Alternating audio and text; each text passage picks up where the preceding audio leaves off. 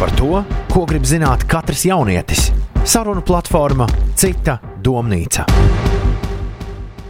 Es sveicināts radījumā Cita domnīca. Mans vārds ir Karmena Stepanova, un ir laiks parunāt par kaut ko, kas ir svarīgs ne tikai man, ne tikai tev, bet visiem ap mums. Šo tēmu mums pārunāt rosināja mūsu kolēģa Baltika veiktais pētījums un sižets par selerīšu sulu, kur daži Instagram un citu tīklu blogeri apgalvoja, ka selerīšu sulu no to ķermeņa izvadīs rūsu atjauninās tevi un atrisinās visas tavas dzīves problēmas.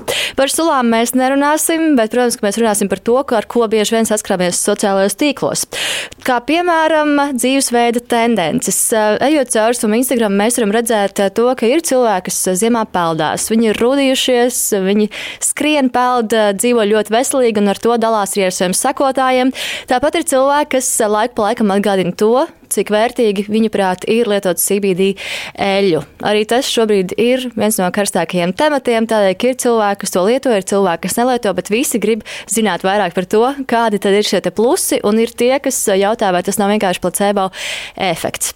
Šodien ciemos, lai par šo visu runātu, ir Kristīna Beitika, kas sev devē par veselīgu, laimīgu dzīvesveidu entuziastu. Sveika! Sveiki! Un nav noslēpums, tu pati arī mēdz peldēties ziemā. O, jā, šis ir pirmais gads. Ziema mani eh, pažēloja ar eh, laikapstākļiem, bet eh, esmu atklājis ko ļoti fantastisku. Šeit, eh, cits domnīcas studijā, arī bijušais Latvijas izlases basketbols cilvēks, kur eh, nospiedums eh, basketbolā ir redzams ne tikai Latvijā, bet arī Eiropā un visur citur, kas par skambali. Paldies, paldies, Senki. Un arī tev nav sveša sīkī dēļa, tev nav sveša peldēšanās ziemā. Arī fans. Visam fans. Visam fans. Tad noteikti dzirdēsim, kas tev par to būs sakāms. Un to visu, ko stāstīs mūsu viesi un ko mums būs pateikuši mūsu Instagram un citu sociālo tīklu sakotāji, varēs komentēt ārsts un narkologs Ļevs Poliņins. Sveiki! Pirms mēs sākam sarunu, saviem piecēlā Instagram sekotājiem uzdevām jautājumu, kādus veselīga dzīvesveida um, trendus viņi piekopja, kurus viņi atzīst par saviem un uh, izmēģina. Paldies visiem, kas dalījās ar savu viedokli un ar savu veselīgā dzīvesveida um, recepti. Visas atbildes norādīja to, ka sports un aktivitātes ikdienā uh, atbilst 63% respondentu. Tāpat bija cilvēki, kas um, pastāvēja par veselīgu uzturu, tur redzam 48%. Vēl populārais daudz ūdens ūdens eh, katru dienu, 31%, arī laba miega rutīna. Tāpat atteikšanās no gaļas un dzīvnieku valsts produktiem, to pārstāvēja 20% atbildētāju. Peldēšanās ziemā imunitātes stiprināšanai tur 12% un CBD eļļas lietošana 8%. Rezultāti pārklājās, tādēļ nav tā, ka kopā tie veido 100%, bet šādas ir mūsu Instagram sekotāju atbildes. Un pievēršoties jums, kas ir šeit piecēlē studijā, Kādas ir jūsu ikdienas tādas veselīgā dzīvesveidā kopšanas um, tendences? Kas ir tas, kā jūs mēģināt būt veselīgāki? Vispār kādreiz es dzīvoju ļoti neveselīgi. Es, bijusi, es zinu, kā ir būt abās pusēs, un šī puse man patīk daudz labāk. Bet uh, mans ceļš uz veselīgāku sevi sākās pirms kādiem pieciem gadiem, kad es sapratu, ka ir Pār daudz liekais svars un nejūtos vairs ērti un īsti sev nepatīk. Un tad es tā kā auns metos izaicinājumos, visur, kur vien varēju, lai nomestu liekos kilogramus, jo man likās, ka tā būs tā mana laime. Nu, cik ātri nometu, tik ātri uzņēmu atpakaļ un tā vairākas reizes. Bet eh, šobrīd tas beidzot esmu nonācis līdz tam, ka um, jāskatās, ir kaut kādi ilgtermiņa pasākumi, un uh, kā jau bija vairāk sekotāji arī minējuši, tad es varu pievienoties, kad es sāku analizēt, kā es guļu, analizēt, cik daudz es dzeru ūdeni, vai pietiekami, un uh, piekopt fiziskas mm, aktivitātes, un tas ir tas, uh, kas man tiešām palīdz to ikdienu uzturēt tonusā un justies labi pašai ar sevi. Un šobrīd tās ir tās galvenās lietas, ar ko es nodarbojos. Un, nu, Uzturs ir tas, kur vēl varētu piestrādāt, bet eh, nu, visi jau nevar vienlaicīgi. Kas par kā ir ar tevi? Nu, ar mani ir tā, ka es teicu, cenšos, ve, nezinu, vai tas ir veselībai vai neveselībai, nodarboties ar boksu. Es cenšos, bet nodarbojos. Sapratu, man būs cīņa. Jāsāk gatavoties 18. aprīlī arēnā Rīgā.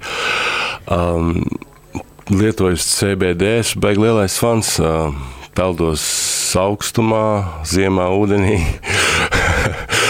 un uh, cenšos mazliet pie, pie, pieskatīt arī, ko es ēdu, jo tomēr 41. gadā nevar apēst trīs McDonald's burgerus un, un tad domāt, ka jutīsies labi vakarā treniņā. Un tā, kaut kā tā. Ā, un lietot, protams, daudz, daudz, daudz, daudz, daudz mazāk alkohola. Arī prātīgi. Tas gan prātīgi. Ļauj kā ar tevi, jo tu pirms uh, raidījuma teici to, ka tu būsi sliktais piemērs. Nu, tas varbūt ir daļēji saistīts arī ar to, ka esmu medicīnas darbinieks. Tas ir man šķiet daudziem medicīnas darbiniekiem raksturīgs, ka miega režīmu īpaši ievērot nesanāk, diemžēl. Tas man arī ir būtiska problēma, jo ir arī nakts dežūras un daudz darbā, kuru Dažreiz jāpanāk naktī, ko pa dienu nepaspēja, kaut, kāds, kaut kādai lekcijai sagatavošanai vai citas lietas. Arī tas ēšanas režīms ļoti atkarīgs no darba.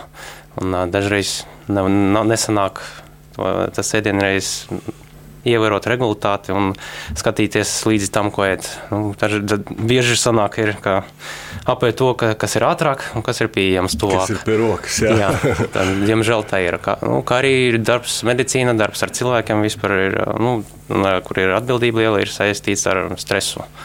Un pēc liela stresa jābūt zināmam laikam, kad cilvēks var atpūsties un nomierināties. Un tā arī nevienmēr sanāk. Perfekts CBD lietotāja kandidāts.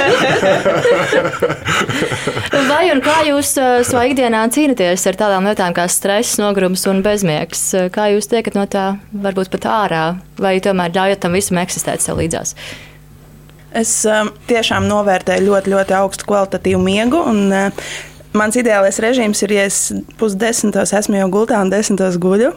Un, uh, tad es ceļos uh, ap pieciem, uh, jo esmu vairāk rīta cilvēks, un man no rīta ir tiešām liela enerģija. Es varu darīt gan darba lietas, gan mājas, tehniskos darbiņus, gan taisīt ēst. Nu, pilnīgi visu pirms, jo man darbs sākas pulkstenis astoņos, un tad rīta tās stundas ir daudz vērtīgākas nekā, ja es atnāku pēc darba jau nogurusi un izbēsīsies, tad man vairs tam nav spēka.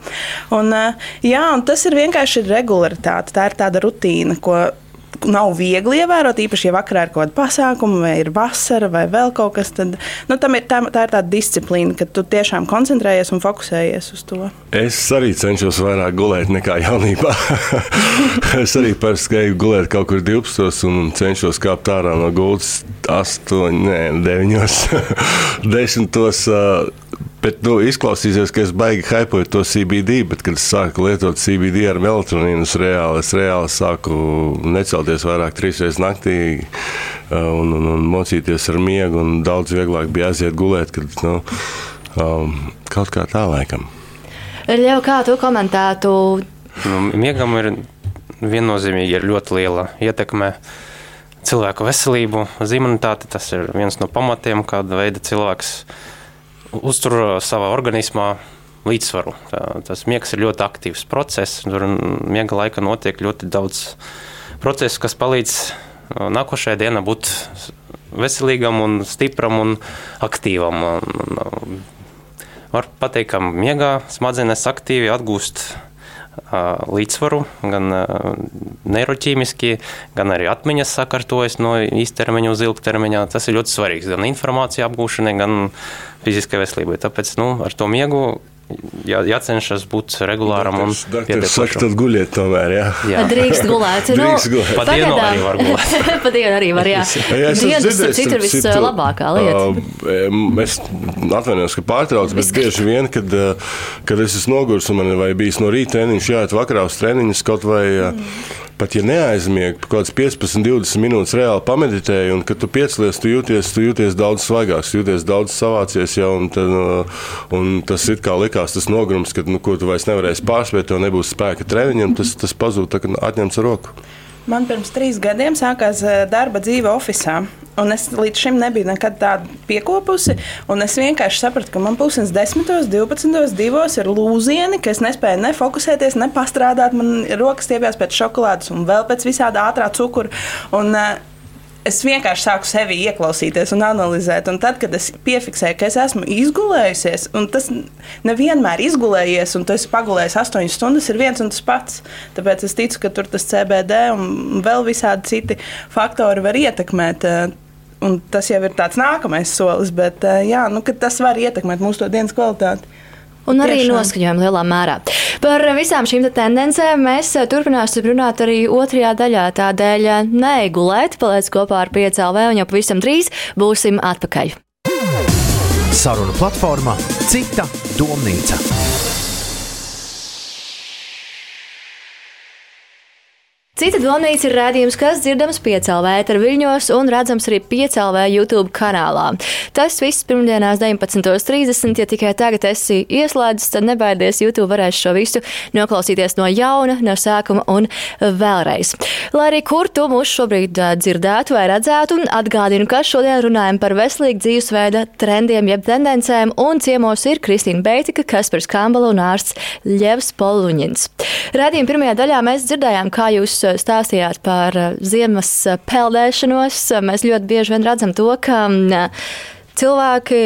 Influenceri un pat ne-influenceri ietekmēji, sauciet tos kā vēlaties, eh, popularizē šādu te veselīgu dzīvesveida kopšanas veidu.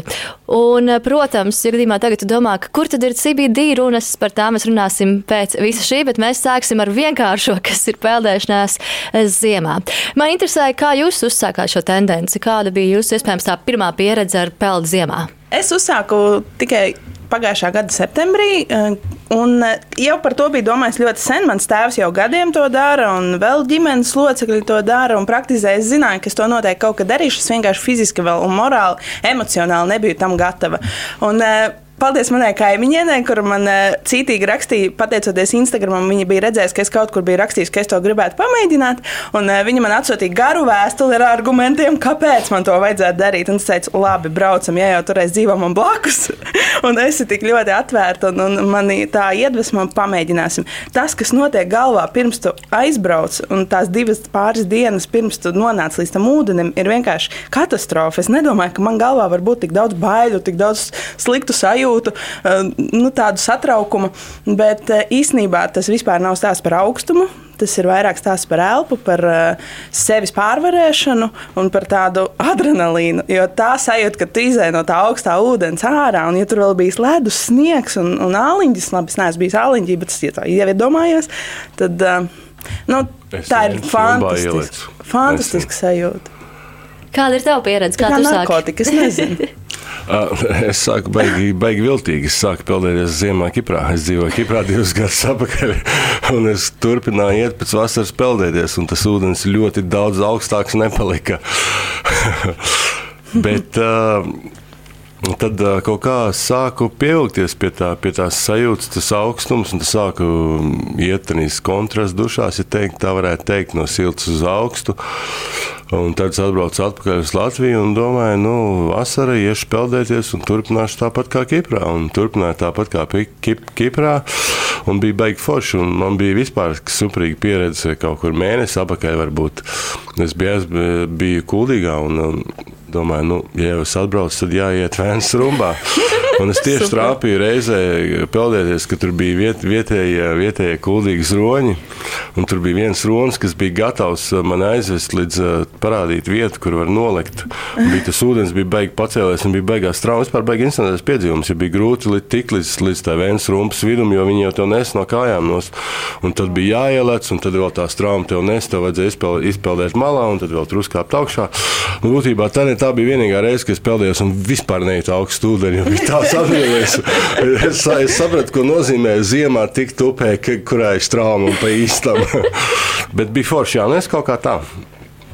Kas eh, jums um, palīdzēs saņemties? Jo arī tu, Kristīne, teici, ka bailes galvā ir šausmas un visādas domas šaudās. Kā tomēr varbūt saņemties tajā pirmajā reizē, kad tu iemērci vienu kāju? Es teiktu, ka ir jāuzticas dombiedriem vispār šajā um, veselīgā ieradumu. Es teiktu, tā, ka ieradumu maiņas procesā um, tiešām ir ļoti, ļoti palīdz, ja tev ir atbalsts un cilvēku atbalsts. Un, jā, tieši tie cilvēki, ar ko mēs kopā to darījām, es pēc tam izveidoju Instagramā grupu. Un, mēs esam 30 cilvēki grupā no Ogres. Nu, tas ir diezgan daudz, kas vēlas peldēt ziemā, nu, šajos laikapstākļos. Un, jā, lielākais skaits, kad mēs vienlaicīgi kopā peldējāmies, arī mēs bijām kā 30. Nu, vidēji mēs katru brīvdienas to darām. Mēs esam kādi nu, līdz 10 cilvēkiem, 5, 6 noteikti. Tā kā, es teiktu, ka, ja tev ir doma, tad to noteikti var izdarīt. Ļau, kā tu komentētu šo te pieeju? Iet peldēt ziemā gan personīgais viedoklis, gan ārsta viedoklis. Pašam man tādas pieredzes nav, ka es būtu mēģinājis rudīties. Gribētu. Bet, bet eh, spriežot no tā, ko es dzirdu no eh, viesiem šodienas, tas var dzirdēt daudzas pozitīvas lietas. Pirmkārt, tā minka tā ir tāda ko- kopējs tāds pasākums, kur cilvēki savā starpā ir vienoti un sarunājas, un tas ir pozitīvas emocijas. Tas ir nu, vienkārši perfekti. Tas ir sava ziņa arī fiziskā aktivitāte, kad cilvēks arī aizbrauks no savas vides, pamaina to stresainu uz vidi, uz kaut ko citu, uz, ā, aizbrauc uz dabu. Un, ā, peldēšana ir saistīta ar fiziskām aktivitātēm. Tas viss ir ļoti burvīgi arī un veselīgi. Zināmā mērā tā rudīšanas arī var pozitīvi ietekmēt arī imunitāti, kā tāds papildus stresiņš imunitātei un, un pārējais. Bet ā, nu, jābūt ļoti piesardzīgam un ā, ā, te arī vien, viens no viesiem ierunājas par to, kā izjūt to elpas trūkumu, un tas pirmo reizi ļoti bail. Tas ir tas saucamais uh, augstuma šoks, kad uh, ķermenis rēģē uz strauju, strauju augstumu, un uh, tad ir iestājies uh, elpas trūkums. Un, uh, nu, ir ļoti svarīgi atgūt atpakaļ to spēju mierīgi un uh, produktīvi elpot. Tad, uh, tas ir sasniegums. Un, uh, ņemot vērā to, kā arī ūdens var au- ļoti strauji pazemināt ķermeņa temperatūru, nu, jā, jābūt ļoti piesardzīgam. Tā, es teikšu, jo nu, par kaut kādu peldēšanu dziļajā ūdenī, augstajā, nu, runāt nu, vispār. Īpaši ne, nevajadzētu, jo mm, pēc desmit minūtēm var jau zaudēt kontroli pār savu muskulatūru. Mm -hmm. un, nekas labs tur nesanāks no tāda veida. Bet, bet ja tas ir darīts tāda veida, kā, kā aprakstīja viesi, nu, tikai pozitīvi kaut ko redzu. Nu, varbūt var piebilst, ka ir individuālis ar kaut kādas lietas, ka, nu, ka, kas sanāk vienam cilvēkam, ir varbūt kādam cilvēkam tas ne, nebūs veselīgi. Mm. Un, jā, jā, jānovērtē, jāizvērtē arī savus. Savu organismu iespējas, cik tas ir gatavs tādai papildus slodzei, papildus stresam. Viena no lietām, ko tu minēji, ir tā, ka stress palīdzēs imunitātei. Ja tu ķermenim radīsi šo stresu, vai vari bišķiņ vairāk paskaidrot par to, vai tas ir tas šoks, kas uh, restartē visu, vai kā nu, citādi pa- nostrādā? Pamatā tas ir tīri fizioloģiska reakcija uz stresu, aha, organisms rēģē ar ā, kateholamīnu izdalīšanu no virsnieram. Viņi stimulē arī imunitātes sistēmu. To Maziņš stress var būt derīgs, lai, jā, jo, jo Liels stress. nē. Jā, bet ja tas stress ir pārāk tā? liels, viņš var būt postojošs. Bet nu, es peldētājs ar pieredzi. Tātad, ja darbā ir stress, tas ir, uh, uh, bet ja ir uh, ūdenī augstā, tad jā. tam stresam jābūt tādam mērenam. Jā, jo pārāk stresaini ir slikti jebkura veida, vai darbā, vai, vai Ūdenī. rudīšana, vai ūdeņa. Jebkur. Stress jebkura laika būs mūsu apkārt, tas ir normāli, mēs rēģējam. Stress ir veids, kā mūsu atbildes reakcija organisma, kā mēs aktivizējamies un mēģinam tā kā, cīnīties ar dzīvi un tikt galā ar uzdevumiem efektīvi. Bet, ja, ja tas stress pārsniedz mūsu organisma iespējas pielāgoties tam, tad var būt problēmas ar veselību. Visam jābūt tā mērā. Ir jāzina, cik daudz stresa katram lietot. Bet eh, tajā, es tikai gribu papildināt, ka tajā brīdī, kad tu ej tajā ūdenī, tev tiešām liekas, ir vairāk adrenalīns un tādas eh, pozitīvas emocijas nekā tas stress. Tas stress varbūt ir pirms tam, vai es varēšu saņemties. Un, bet es piekrītu, ka eh, tas ir gana bīstami, varbūt krampji vai kaut kā tā no augstuma. Tāpēc viena ir forši iet kopā ar kādu, tad, lai ir kāds blakus. Es pieņemu, ka peldējos Dāngavā. Es arī parasti, ja, ja es ielicu no ielas ūdenī, es gribu mazliet papildēt, es nepeldu. Protams, mm. upē iekšā es peldu divus metrus no krasta, lai, ja nu gadījumā ir kaut Jā. kāds krampis, vai tu sāc justies, ka tev, tev tiešām ir augsts, lai tu uzreiz vari, mm. lai tu uzreiz vari izkāpt. Un arī, arī pašā laikā tas bija tāds joks par to vēns rumpu, bet es gāju tikai tāpēc, ka tur bija cilvēks, kas zināja, kurā mm. vietā var lekt. Viņš man pēc tam tur arī, protams, bija tur, ja nu gadījumā es sāku slīst vai ne, un tā tālāk. Bet uh, es gan esmu es ieteiktu, ja nevar saņemties īsti, un ko es visvairāk varu ieteikt. Ja jūs gribat sākt peldēt ziemā, nebrauciet uz jūru peldēt ziemā. Jo kamēr jūs iesiet jūrā, tas ir tik tālu, jums būs noslušas kājas, tas būs, tas būs, jūs nekad vairs neiesiet peldēt. Nu, Ja jūs- tiešām jau apnicis. Tu gāji un tev jau jā. būs apnicis. Ja, ja jūs mēģināt sākt kaut kur, tad, tad cenšieties, lai jums nav tālu jāiet, lai jūs varētu tikt arī ūdenī iekšā un lai jūs varētu tikt viegli no viņa ārā un pēc tam uzvilkt savas drēbes. Jo, jo, jo, jo, jo, jo nosalt pirms tam un pēc tam tas, uh, tas galīgi to pasākumu pasākumu neuztais foršu. Un, un, un, un tā, cenšieties, jā, mans ieteikums. Man, man vispār patīk, es atnāku no laipas hops ielec uzreiz iekšā, un, ah, man tur nav jādomā, kā, vai būs augsts, nebūs. Bet, uh, bet jā, galvenais neiet uz tādu vietu, kur baigi ilgi jāiet, un pēc tam baigi ilgi jānāk ārā. Es varu ieteikt Ogres Zilie kalni, Dubkalnu karjeras. Fantastiska vieta, var piebraukt ar mašīnu tieši pie peldēšanas vietas, uh, iesildīties apskrienot apkārt karjeram, kas ir divi kilometri, un uh, var arī sastādīt kompāniju. Reks, fantastisks plāns. Izklausās pēc ekskursijas.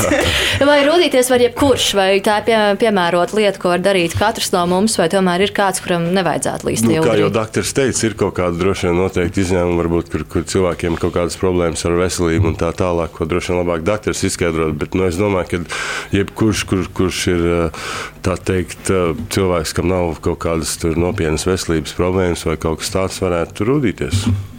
Pamēģināt var kontrastdušas. Piekritīšu tam. Tas ir stresa organisms, bet nu, ar stresu es nesapratu to, kā, kā parasti domā to.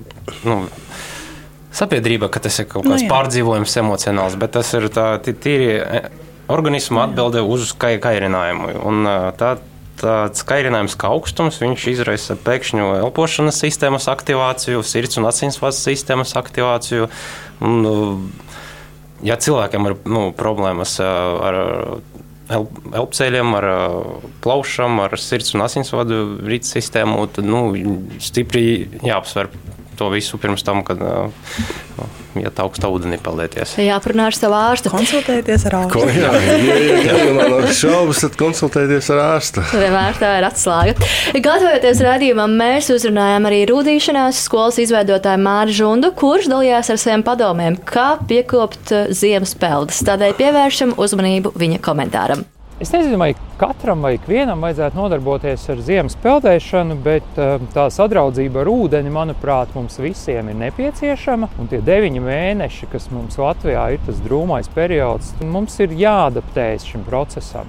Caur šo adaptāciju mēs ļoti daudz ko iemācāmies. Uh, ķermenis nostiprinās. Un tas, ko es kā tāds augstuma aizbildnis varbūt varētu teikt, ka mēs neslumojam no tā, ka augstums ir vainīgs pie tā no kā ļoti daudz tieši baidās, kāpēc tām ziemas peldēm nenodarboties. Bet uh, patiesībā tas stāsts jau ir par vīrusiem, baktērijām, sēnītēm, kas ir mūsos, un, un, un tā imunitāte, kas ir, kas ir kombinācija no, no visām sistēmām, kas mums ķermenī ir. Viņi jau ir tā, kas mums liek slimot. Bet augstums ir ļoti labs, kā pārbaudīt savu ķermeni, notestēt savā ziņā. To testēšanu mēs ļoti daudz ko iemācāmies un nostiprinamies. Tas sākotnējais posms man bija tāds, ka ļoti bieži iesnas bija, bet tas būtiski mainījies. Tā vairs nav. Tāpat arī pieredums, ka deguns visu laiku ir cieta, kas ļoti daudziem liekas norma. To jau sen esmu atrisinājis, ka deguns vaļā ir un elpo brīvi. Minimalistisks apģērbs, tātad dzīvesveids par minimalistisku nepieciešamību Rīgā, Jakā visu ziemu tur nostaigāt mazāk drēbju. Principā veselības iegūmi, prāta skaidrība, enerģija, miega uzlabojumi, ļoti daudz tādas lietas, kas fizioloģiski mainās, tad, kad mēs sākam praktizēt uh, regulāri, sistemātiski, pakāpeniski, saprotot. Izzinot, iemācoties, jo tad, kad mēs runājam par ziemas peldēm, tas ir stāsts par to, ka tev sistemātiski ir jātrenē asinsrites sistēma, uh, pakāpeniski tu trenē nervu sistēmu, un daudz citas sistēmas. Un caur, to, caur šo spēli un adaptāciju vai kontrastiem ķermenis sāk trenēties.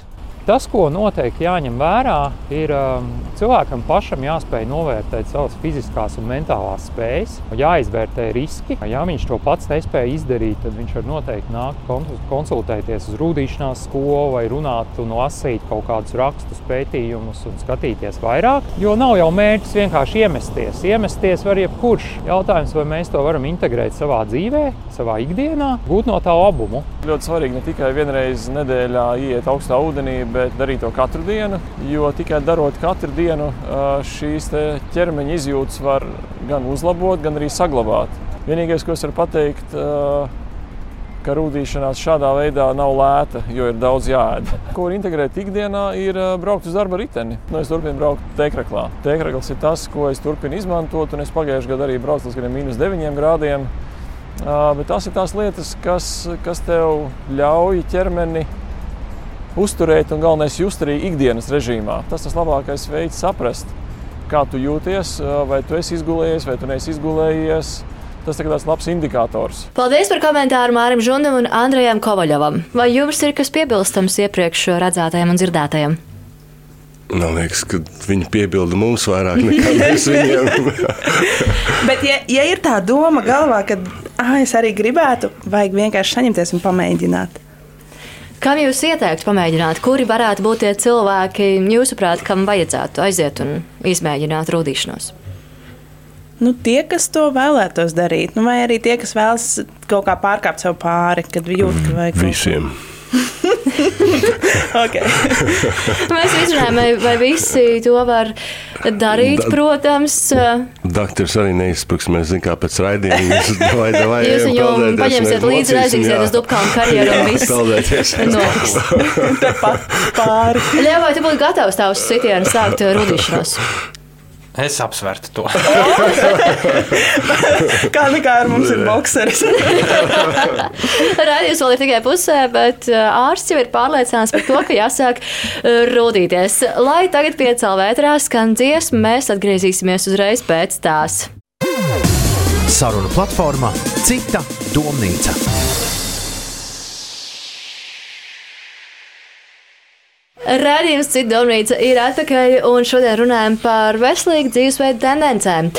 Tam, ko mēs redzam, tam, ko mums uh, sociālajos tīklos cenšas radīt arī dažādi ietekmeļi, Piemēram, ne tikai tā pati iepriekš minētā peldēšanās ziemā, bet arī CBD eļļa, ko lieto pēc tam peldēm vai pirms miega vai no rīta, lai tiktu cauri iespējams ļoti saspringtai darba dienai, lai nomierinātos un galu galā atslābinātos. Tie, kas ir zinātāji šeit, kas ir CBD eļļa? Nu, Kaņepē sastāvā ir vairākas veselībai tādas um, draudzīgas vielas, un viena no tām ir CBD, kas ir viens no kanabidiolas savienojumiem. Un, uh, teiksim tā, kad pretēji no THC. CBD nav uh, kaut kāda šitās, uh, kas ir psihotropiskā viela. CBD neietekmē cilvēku apziņu, jo, jo, jo CBD ietekmē citus receptorus. Piemēram, THC viņš uh, uzvelk to nervu sistēmu, tad CBD to nomierina. Un uh, cilvēku organismā ir tāda endokanamīdā sistēma, kas uh, saņem un tulko um, signālus no kanabīdiem. Un, uh, tā sistēma arī ražo uh, kanamīdus, ko sauc par endokanamīdiem. Un tagad sanāk, ka šī sistēma palīdz regulēt tādas funkcijas kā miegu, imūnsistēma, sāpes. Tad, būtībā, manā saprašanā, kad lieto CBD, tad tu palīdzi tai endokanamīdai sistēmai savienoties ar tiem receptoriem un daudzās jomās uh, sajusties labāk. Tas Kā izklausās to- viss baigais tāds, uh, nu, lieliem vārdiem, bet nezinu, kā lai izskaidro vienkāršāk. Uh, Nu, vienkāršāk uh, manā saprašanā ir tas, ka tā, tas CBD palīdz savienot tos neiroreceptorus endokanabidās sistēmā, un cilvēkiem paliek labāk, kad viņi lieto. Vairāk daudz sarežģītu vārdu. Mēs bieži vien sakām, jā, lietot eļļu, lietot to tā un šitā. Tad kā īsti tiek šī par eļļa? tas ir interesantākais, kad manā pieredzē ir tas, ka nav tāds kaut kāds tieši ā. Tu lieto viņu tā un tā. Jā, protams, ir, ir, ir bijuši gadījumi, kad zinu, kad um, cilvēki lieto epilepsijai.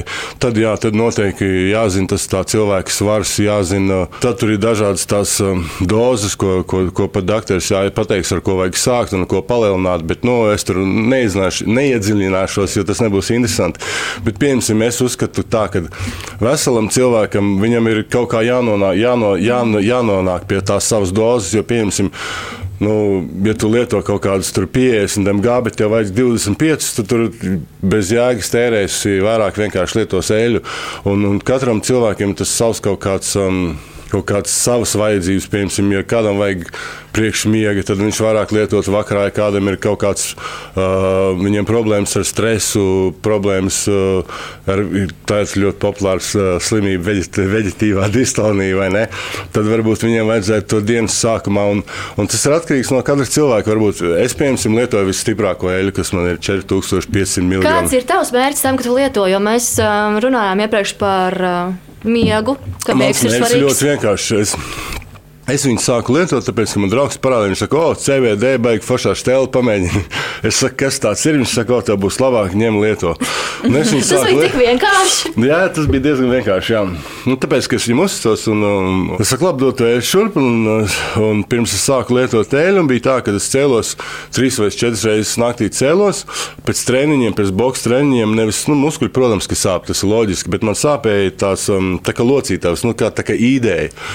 Un man arī bija tā, ka, piemēram, daudz cilvēku nezina, es ieju veikalā, kad ir lielā veikalā, man, man uh, Man sāk viss beigas kristus uz nerviem. Sāk, tā, kad uh, es gribās ātrāk tikt no turienes ārā, sāk palikt karsti. Tie cilvēki apkārt visu tur kaut ko skatās virsū. Nu, vienkārši sākas tāds, tāds parādās tāds. Trauksme. Tāda trauksme un neapmierinātība. Nu, piemēram, tagad, kad es lietoju eļļu, cik jau es ilgi lietoju, vairāk par pusgadu, man liekas. Bet bija arī laiks, kad es nelietoju. Es gribēju paskatīties, kāda būs, vai es atgriezīšos atpakaļ tie simptomi. Un būtībā, jā, tā, es guļu tagad ceļos, varbūt vienreiz tur septiņos no rīta pamožos. Daudz, daudz labāk var panest fizisko slodzi, jo pēc treniņiem Lietojot to eļļu, man tie muskuļi atslābinās, tomēr arī nomierinās mana nervu sistēma. vai Ne? Es tur neredzu, kā kulaka man lido visu laiku sejā. un, uh, kaut kā tā, vispār. Vis, vispār. Ah, un pats es esmu tik liels. Tu vari jau redzēt, ka es beigās sāku runāt. Es tik liels fans. Un man viens tās profesors, un um, es viņam jautāju, ka es esmu baigais fans. To eļļu lietoju visu laiku, ja tas ir, ja tas ir, ja tas ir. Es tikai mēģinu zināt, vai palīdzēs, un visiem vienmēr jautāju, palīdzēja, nepalīdzēja. Un man bija, tagad arī starp citu, man bija, um, es biju dabūjis iesnas kaut kur, noķēris kaut kādu vīrusu. Un es saku, un es, es viņam saku, un es paņemu to eļļu un es iepilinu degunā. Es saku, vai es esmu galīgs stulbs, vai man palīdzēs. Un viņš saka, nē, nu, tavā eļļā iekšā tur ir um, naturālais peppermints. Un tā eļļa, viņam, protams, uh, un man, un, un man vienkārši pazuda iesnas. Un es domāju, es, es domāju, vai es esmu galīgi zinu, kā jūtas. Vai... Viņš saka, nē, nu, tas, tas profesors saka, viņš nē, nu, tur ir tas, tas naturālais peppermints, un, protams, ka tā kaņepieļa viņa. Mm, Noņem to iekaisumu. Un tagad tas palīdz. Un būtībā es viņu lietoju visam. tu kļūsi ļoti, ļoti priecīgs Jā, par to stāstu. jā, jā. Kāds ir ārsta komentārs par iepriekš dzirdēto un par ā, eļļu kopumā? Jūs, kad jums būs tas nepieciešams, varat man apturēt. Forši būs daudz ko teikt. Ļoti labi. jā. Tieši mūsu organisms reaģē uz tām vielām, kas ir. ka- Tā ir piebildums viens, es ā, nepropagandēju narkotiku vielu lietošanu. Tas ir kaitījuši jūsu veselību un ir nelikumīgi. Un, mūsu, mūsu organisms tieši reaģē uz tām vielām, ko satura kanabis augs, kanabis satīvā. Viņi ir ļoti daudzi. Tur ir desmit simti vielu. Tādi, zina, kuru parasti, parasti zina, kuri vispopulārākie, ir THC, tetrahidrokanabinols un ā, kanabidiols, kas ir CBD. Ā, Tie ir ā, savienojumi, kuri miedarbojas ar mūsu organismu. Un, ā, Viņa, nu, mūsu organisms ar viņu mie- miedarbojas nevis tāpēc, ka viņam jāmiedarbojas ar visiem augiem un visam, kas viņa satura, bet tieši tāpēc, ka jau minēja, ka mūsu organismā ir paši savi kanabinoīdi. Viņiem pilda daudz un dažādas funkcijas. Es varbūt vairāk no tā, ka no narkologa puses varbūt zināšu, un, bet pēc idejas tas, tie receptori un tā sistēmā, endokanabinoidu sistēmā, viņa ir iesaistīta jebkura procesa, kas notiek organismā. Psihiskā ziņā viņa ir iesaistīta emocijas, viņa ir iesaistīta motivācijā, jo ir pētījumi uz dzīvniekiem, kad to nobloķē endokanabinoidu sistēmu pelēm, tad viņi nezīst pienu, mātei vispār negrib. Kad atbloķē, tad viņi atkal ēd, tā, tā viņi var neēst, kamēr nenomirst vispār.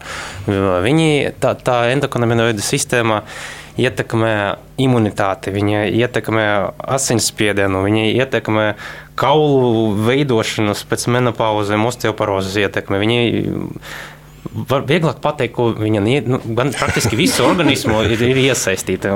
Tie, tā endokanabinoida sistēma un vēl ir. Ļoti daudz vielas, kas ir līdzīgi endokanabinoidiem organismā, kuri arī pild funkcijas kaut kādas, kuras da- daudzas arī vēl nav zināmas. Tāpēc ā, tas ir ļoti nopietna un sarežģīta ā, tēma, un, ā, te, kura ir iesaistīta nu, sarežģītākas vispār bioloģiskas sistēmas, kas ir uz planētas - imunitāte, nervu sistēma, cilvēka psihe. Un, ā, tā, tas, ir ļoti, tā, tas ir ļoti nopietni. Mums ar to augu kanabis satīvu ir ļoti garš stāsts.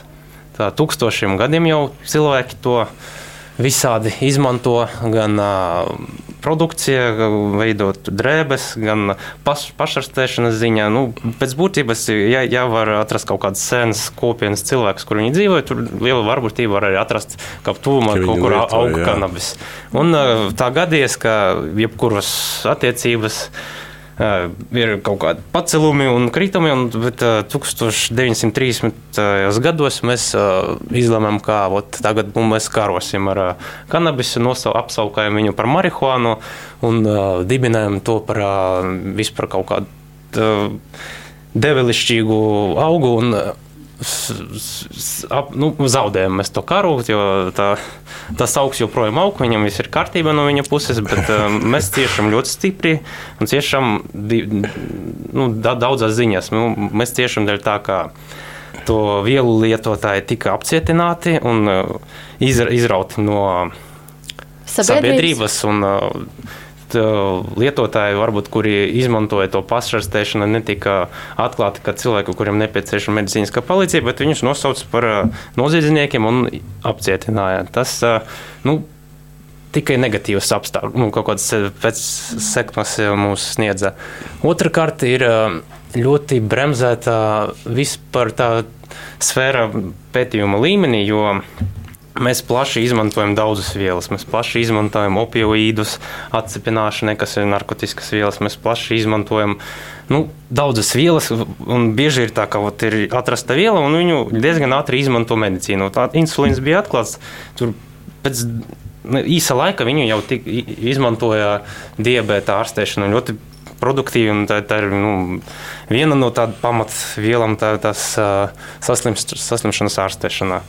Bet, uh, kas mums ir tagad ar tiem endokanabinoīdiem un kanabinoīdu izmantošana dažādu slimību gadījumā, ir viss ļoti lēni. Mēs ļoti atpaliekam dēļ tā, ka nu, pētnieki nevarēja dabūt. Tas vielas vispār, lai pētītu, viņiem nebija likumīgi.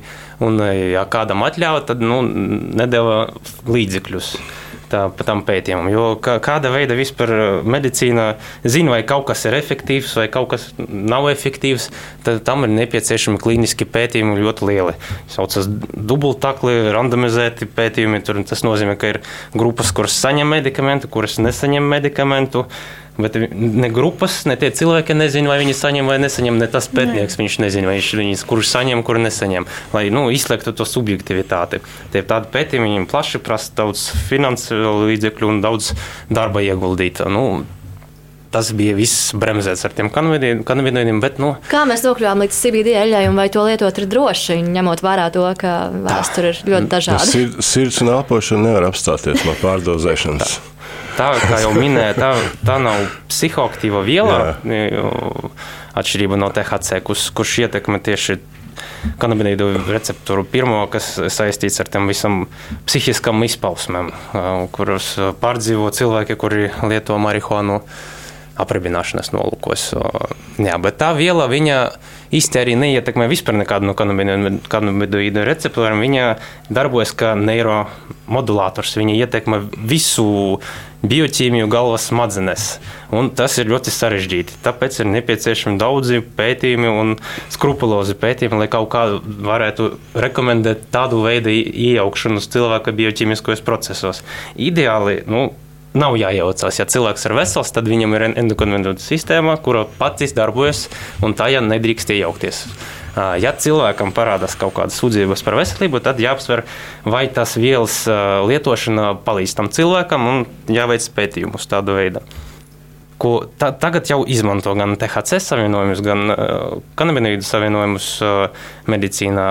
Kanabinoīdu savienojumus izmanto pie epilepsijas ārstēšanai, tur paveic ir bērniem refraktārs, un THC izmanto pie sāpēm pie vēž, vē, vēžu pacientiem, kuriem ir opioīdi jau nepalīdz, kuriem ir hroniskas sāpes, tad to var pievienot.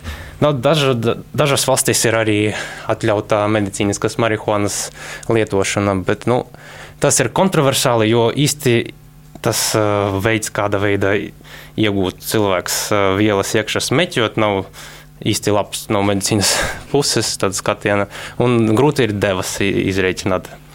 Kristīna, kāda ir tava pieredze? Vai tu esi izmēģinājusi sibidēļu, vai eh, kaut Jā. ko dzirdējusi, vai kaut kur pieskārusies? Man ir arī mazāka pieredze, varbūt kā Kasparam, bet uh, ir, un es. Uh, esmu lietojusi, es arī izlēmu pamēģināt, jo es tiešām analizēju to savu miegu, un man ir diezgan mazs dziļais miegs. Tas ir tas, ko es iepriekš minēju, kad tas, ka tu guli 8 stundas, un vai tas izgulējies, nav viens un tas pats. Un, uh, tad es domāju vairākus veidus, kā uzlabot šo miegu. Un uh, viens no tiem veidiem es arī ietekmējos no citiem pazīstamiem cilvēkiem un domāju, nu labi, es pamēģināšu. Nu, lūk, un tad, kad es es sapratu vairākas lietas. Es lietoju divus mēnešus ar pārtraukumiem, un es sapratu vairākas lietas, ka tev ir jāsaprot, cik daudz viņu lietot, kā lietot un kāpēc. Un, um, tie, es mēģināju lietot pirms miega, vispirms 5%, un pēc tam es pārgāju uz 10%. Es skatos, kas par to pareizi saku. Jā, jā, jo es neatceros, pirms, nu, man liekas, ka no, man bija 5% un tad 10%. Nu, Bēļa ir vispār fantastiska eļļa, kas ir, kas ir tas CBD kopā ar melatonīnu. Mm. Un, un tad viņš uzreiz nošauja tos divus zaķus, nomierina to nervu sistēmu, un melatonīns, protams, palīdz uzreiz. Mm. Uh, ar, ar miegu, un tad, tad sanāk tā, ka tu paņem un pēc pusstundas jau jūti, ka okay, tās var iet gulēt. Kaut vai pirms tam tu būtu galīgi tāds mm. uh, nomodā un varbūt sastrasojies vai kas, bet nu, Tas tā. Ka, bet katram ir savs, savs kaut kāds. To vajag, par to es runāju, ka tas ir grūti kādam pateikt, ah, tagad tev jālieto mm -hmm. pirms miega būs tik un tik, jo īsti nezinu. Jā, cik... ir ļoti jāsaprot un ļoti individuāli. Jā. Es eh, priekš miega sev šo neatradu, bet es viņu noliku malā un domāju, nu labi eh, es padomāšu, kā es vēl varētu viņu lietot. Un tad man bija kādas dienas, kad es zināju, ka man būs diezgan liels stress, vai nebija vienkārši garastāvoklis, vai PMS, pirmsmenstruālais eh, sindroms. Un, eh, tad, jā, tad es eh, pamēģināju, un es sapratu, ka tajā dienā es tiešām jūtos mierīgāk, un es jūtu to ietekmi. Bet es neaizrāvos, un es sapratu, ka man viņi ir jālieto tikai tad, kad man tiešām to vajag. Un tad man pienāca viena zoba operācija. Un e, bija, protams, diezgan grūts atvesaļošanās periods, kā jau pēc visām operācijām. Un, e, tad gan es viņu lietoju divreiz dienā, un man tiešām es pirmo reizi sajūtu tā pa īstam, ka man viņa palīdz. Un, es, nu, jo ibumetīna paciņa diez vai ir veselīgāk izdzert nekā. Jā, es arī es varu pateikt, nekā CBD. Lietot CBD ibumetīnu un tādas precāpes mm. reāli nelietoju. Tātad tas, par ko mēs runājam, nav tikai placebo efekts, ir arī reāli iegūmis kaut kāds jums. Jā, bet eh, nu, tur ir ļoti jāmāk sevi ieklausīties un nevar skriet eh, pakaļ tikai citiem, kas saka, nu, ka lietot tik un tik, un tev noteikti tā vajag, jā, un tev palīdzēs nu, noteikti, katru dienu. Noteikti neskrieniet, neņemiet tur lielāko, dārgāko tagad un davai. Un, Atver vaļā un iztemp. Jā, man ir cik cilvēki, viņi pienāk jau, ak, ak, kā es jutīšos, man iešterīs, es saku, es ļoti atvainojos. tur nav THC piedod. Runājot par THC, runājot par šo te pēdējās um, iešterīšanu un to, ka mums ir arī pieredze ar to, ka cilvēki bieži vien jauc un, un, un, un domā, ka tā ir tā pati viena marihuāna un viss Jā. pārējais. Vai eh, CBD eļļu vispār drīkst legāli iegādāties? Latvijā. Nedrīkst, te nedrīkst. Iegādāties var. Jā.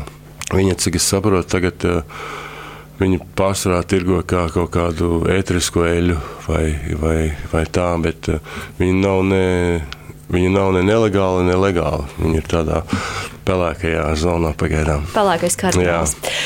Ļauj, vai tu kā ārsts ieteiktu savam kādam pacientam lietot uh, CBD? Nu, tas, laikam, visiem ārstiem ir tāda skarba realitāte. Uh, kā rekomendēt kaut ko var uz uh, pētījuma rezultātu bāzēm. Ja tas ir pierādīts, ka tas ir efektīvi, tad to var rekomendēt droši. Jo nu, vienkārši, ja kāds cilvēks kaut ko ir lietojis un viņš ir izvesaļojis, tas vēl nenozīmē, ka tā izvesaļošana ir izraisīta ar to vielu lietošanas. Ja, ja kaut kas notiek pēc kaut kā, tas vēl nenozīmē, ka tas ir sekas tam iepriekšējam. Un, Uh, ārsti ir ārsti. Viņam jābūt melns un balts. Pareiz. Jā, nu, jebkurā gadījumā, ja cilvēkam ir uh, sūdzības par emocionālu stāvokli, par miega traucējumiem, nu, ir vērts no sākuma apmeklēt ārstu, pirms uh, sākt uh, pašārstēšanu un jāizrunā, no, cik tas ir un kaut kādus plānus uz nākotni veidot ar ārstu sarunājot. Un, uh, nu, Neskatoties uz to, ka tagad pašlaik mm, ārstam nu, nav tādas iespējas to vielu nozīmēt kā medikamentu, citas izējas nav, jābūt ar atvērtu prātu pret to, jo nu, tuvāko 10, 20 gadu laikā tas jau viss būs pieejamas un to izmantos. Tas ir neizbēgami. Tad tie pētījumi iet, viņi aktīvi tagad jau tiek finansēti, un rezultātā arī būs. Un, nu, pagaidām kāda situācija skarba ir tiem, kas lieto. Viņi lieto preparātus, kurus neregulē. Ne, kas tur atrodas, nekāda daudzumā, jo viņi netiek pakļautai stingrai kontrolē, kādai tiek pakļauti medikamenti. Kas tur iekšā var būt, mm. nu, neviens nezina. Tur, tur var būt CBD tik daudz, varbūt mazāk. Tur var būt THC piemaisījumi. Tad jūs, jums var būt problēmas ar likumu dēļ tā. Nu, tas ir jūsu atbildība. uh, bet, uh, nu, ja, ne, ja, ja skatās no otras puses, neienāk no Amerikas, tur ir FDA approved un tur ir visādas. Kas ir FDA approved Amerikā, tas nav pie mums. Nē, nu jā, jā, protams, protams. protams. Pa ceļam kāds atskrūvēja. Samainīja sastāvu. Skaidrs, ka gan šīs eļļas, gan visu citu eļļu, tostarp arī bieži aprunāto ētrisko eļļu dēļ mums tiešām ir jāslēdz iekšā savu kritiskā domāšanu, jo sociālos tīklos mums mēģinās pārdot kaut ko interesantu vai foršu Tostarp arī, piemēram, iestāstīt, ka ētriskās ejas, īstās ētriskās ejas ir jālieto uzturā. Lūdzu, slēdz iekšā kritisko domāšanu un sekojam līdz tam, ko mēs tiešām savī liekam iekšā. Gatavojoties šim cīņas domnīcas rādījumam, mēs uzrunājam arī smadzeņu darbības pētnieku Andreju Kozlovu un noskaidrojam, kas viņam ir sakāms par bezmiegu, kā to mazināt, un tāpat viņš izteicās arī par CBD eļu un tās ietekmi. Ļoti daudz sastopamies ar cilvēkiem, kuriem ir tieši miega traucējumi. Bet miega traucējumi visbiežāk ir sākums kaut kam, vai arī blakne kaut kam, varbūt kaut kāda depresīva procesa, varbūt tāds trauksmes, varbūt nemieri, varbūt posttraumatiskie sindromi, izdegšana. No kurā gadījumā īstenībā miegs ir no viens no pirmajiem faktoriem, kas parāda to, ka kaut kas nav labi. Mēs neizguļamies no rīta, pieceļamies smagi, tas ir liels rādītājs par to, ka mēs ar savām teiksim, smadzenēm sākam izmantot pret mums.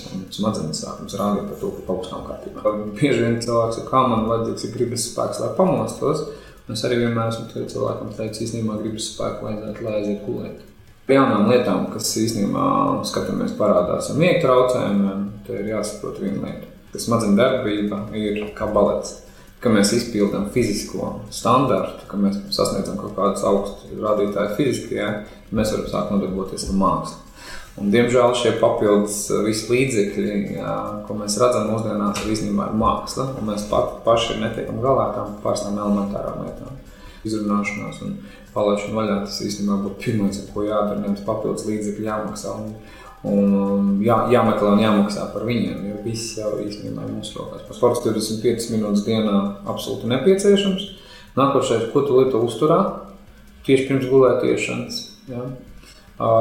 Vai tur tevā dzīvē ir iesaistīts alkohols, cigaretes un kafija? Ja vismaz kāds no tiem faktoriem, visi viņi jāizmet ārā, ja miegs traucēts, tas nozīmē, ka tas ir pirmais. Nē, nē, nē, man garšo kafiju, nu, man cilvēkam smadzenēm garšo kafiju, nevis tev.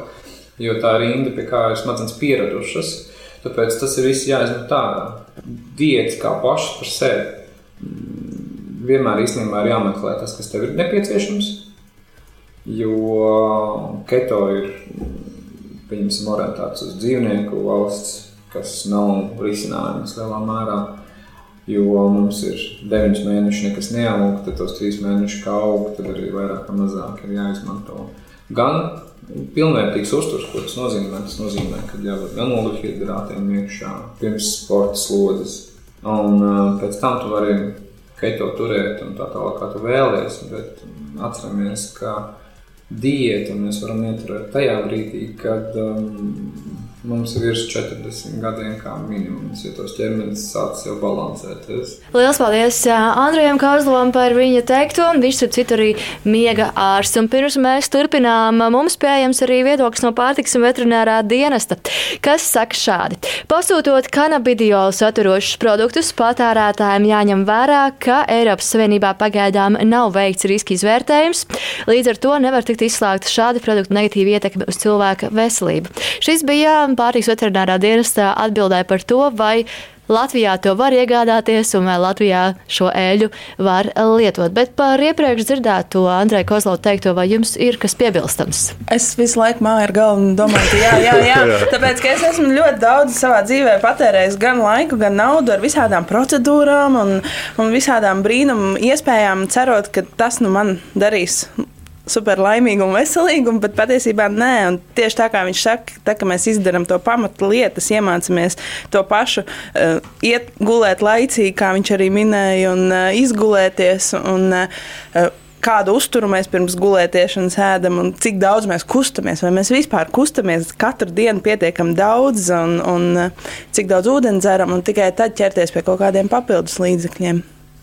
Diez vai dzīvojot, es atvainojos, diez vai dzīvojot, tik ne, nu, dzīvot neveselīgi, um, nu, ļoti neveselīgi un lietojot CBD, tas būs labākais risinājums. Tas principā būs kā pieliet uguni, uguni varbūt kādā veidā. Mm. Bet uh, mēs visu šo sarunu turpināsim pēc brīža. Radījums cik domnīts būs atpakaļ pēc dziesmas, un tad parunāsim gan par imunitāti, gan vēl par sibīdēļu, un arī Kaspars varēs izteikties, un viss notiks sarunu platformā Cita domnīca.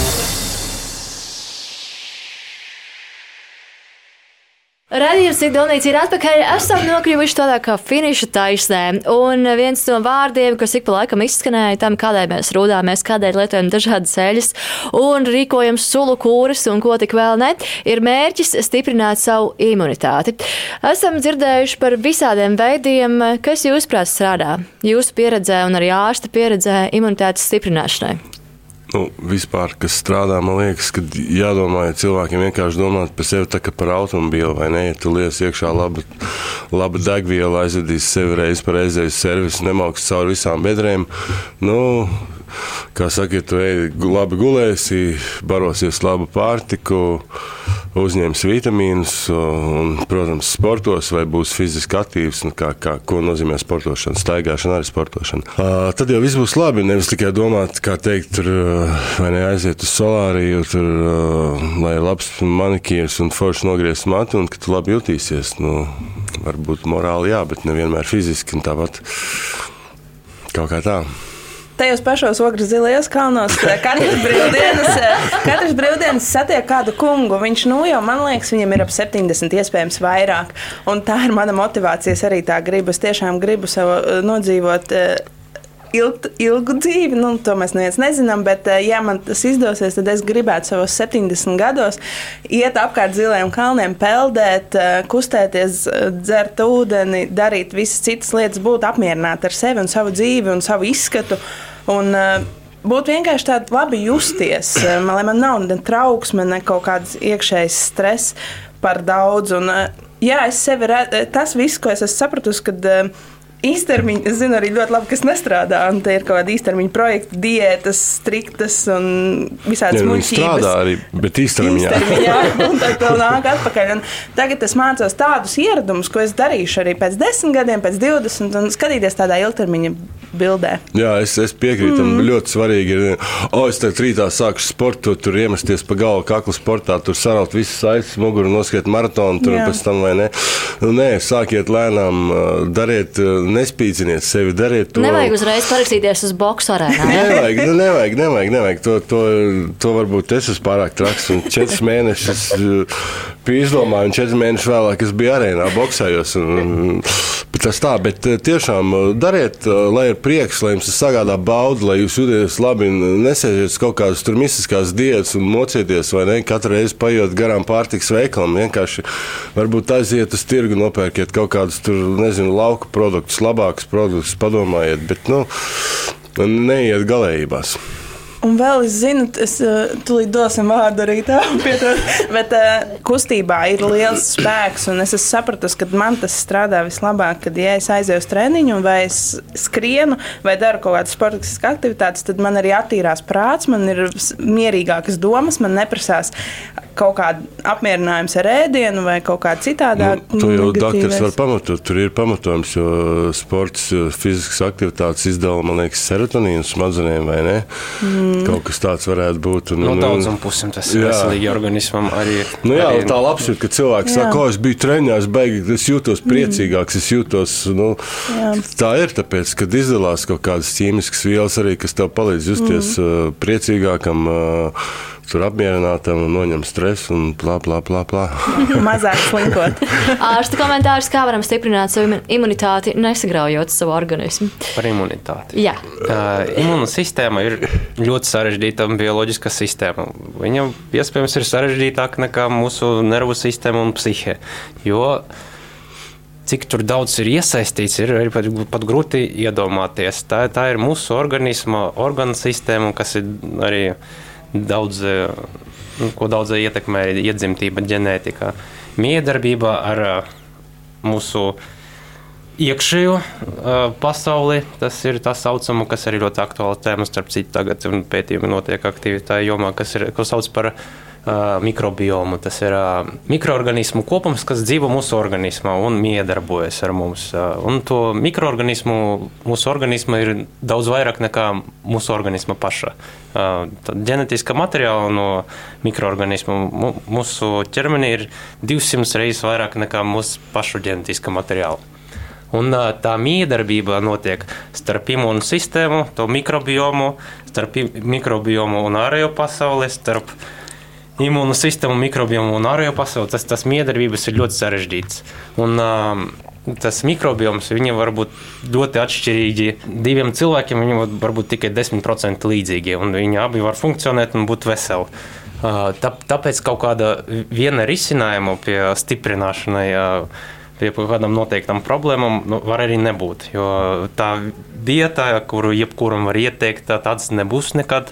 Jo katram ir savs mikrobioms, un viņš sav, savā veidā arī reaģēs uz to diētu, jo kaut kādā veidā jūs to ietekmēsiet. Nu, ko, ko var pateikt no ēšanas ziņa? Ļoti pozitīvi ir šķiedrvielu produktu satura paaugstināt, jo tas ir zināms substrāts, ar ko barojas tie mikro, mikroorganismi, un tas viņam ir nepieciešams izdzīvošanai un tālāku funkciju viņu veicināšanai mūsu organismā. Sports, fiziska aktivitāte ļoti burvīga, jo mūsu organisms, viņš, mūsu ķermenis viņš radīts kustībai. Ja mēs sēžam, ja mēs guļam, organisms iet bojā. Viņš, tas ir destruktīvi mūsu asins rīta sistēmai, mūsu skeletam, muskulatūrai. Organismam jābūt kustībā. Nu, adekvāta fiziska slodze būtu vismaz 30 minūtes dienā pastaigāties. Tad tas, tas jau būtu kaut kas. Ja cilvēks sēž e, visu dienu uz kresla, un tas, tas ļoti postojuši veselība no daudzām pusēm.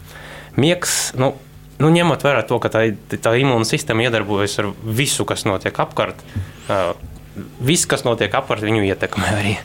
To, tad, kas ir slikts arī pētījumos atklās, ir sterila apkārtējā vide. Kā cilvēks pilnīgi visu izmazgā ar visādām ķīmiskām vielām un iznīcina. dezinficē visu līdz Iznīcina, galam. iznīcina visu mājas, tad tas, tas ir saistīts ar paaugstinātu autoimūnu saslimšanu, sastopamību. Jo imūna sistēma viņi visu laiku trenēs, iedarboties ar ārpasaules mikroorganismiem. Viņam jānonāk mūsu organismā, lai imūna sistēma spēj viņus atšķirt no mūsu audiem un lai, lai rēģētu uz viņiem.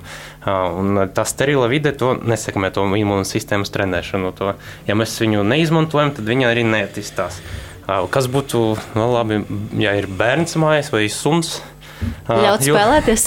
jo, jo viņi visādus netīrumus nes no, no, no ielas mājas un mikrobus. Un to, tāds, tāda veida varbūt arī tā imūnosistēma iepazīstināsies ar dažādiem mikrobiem. Bet noslēgumā vēl jautājums jums.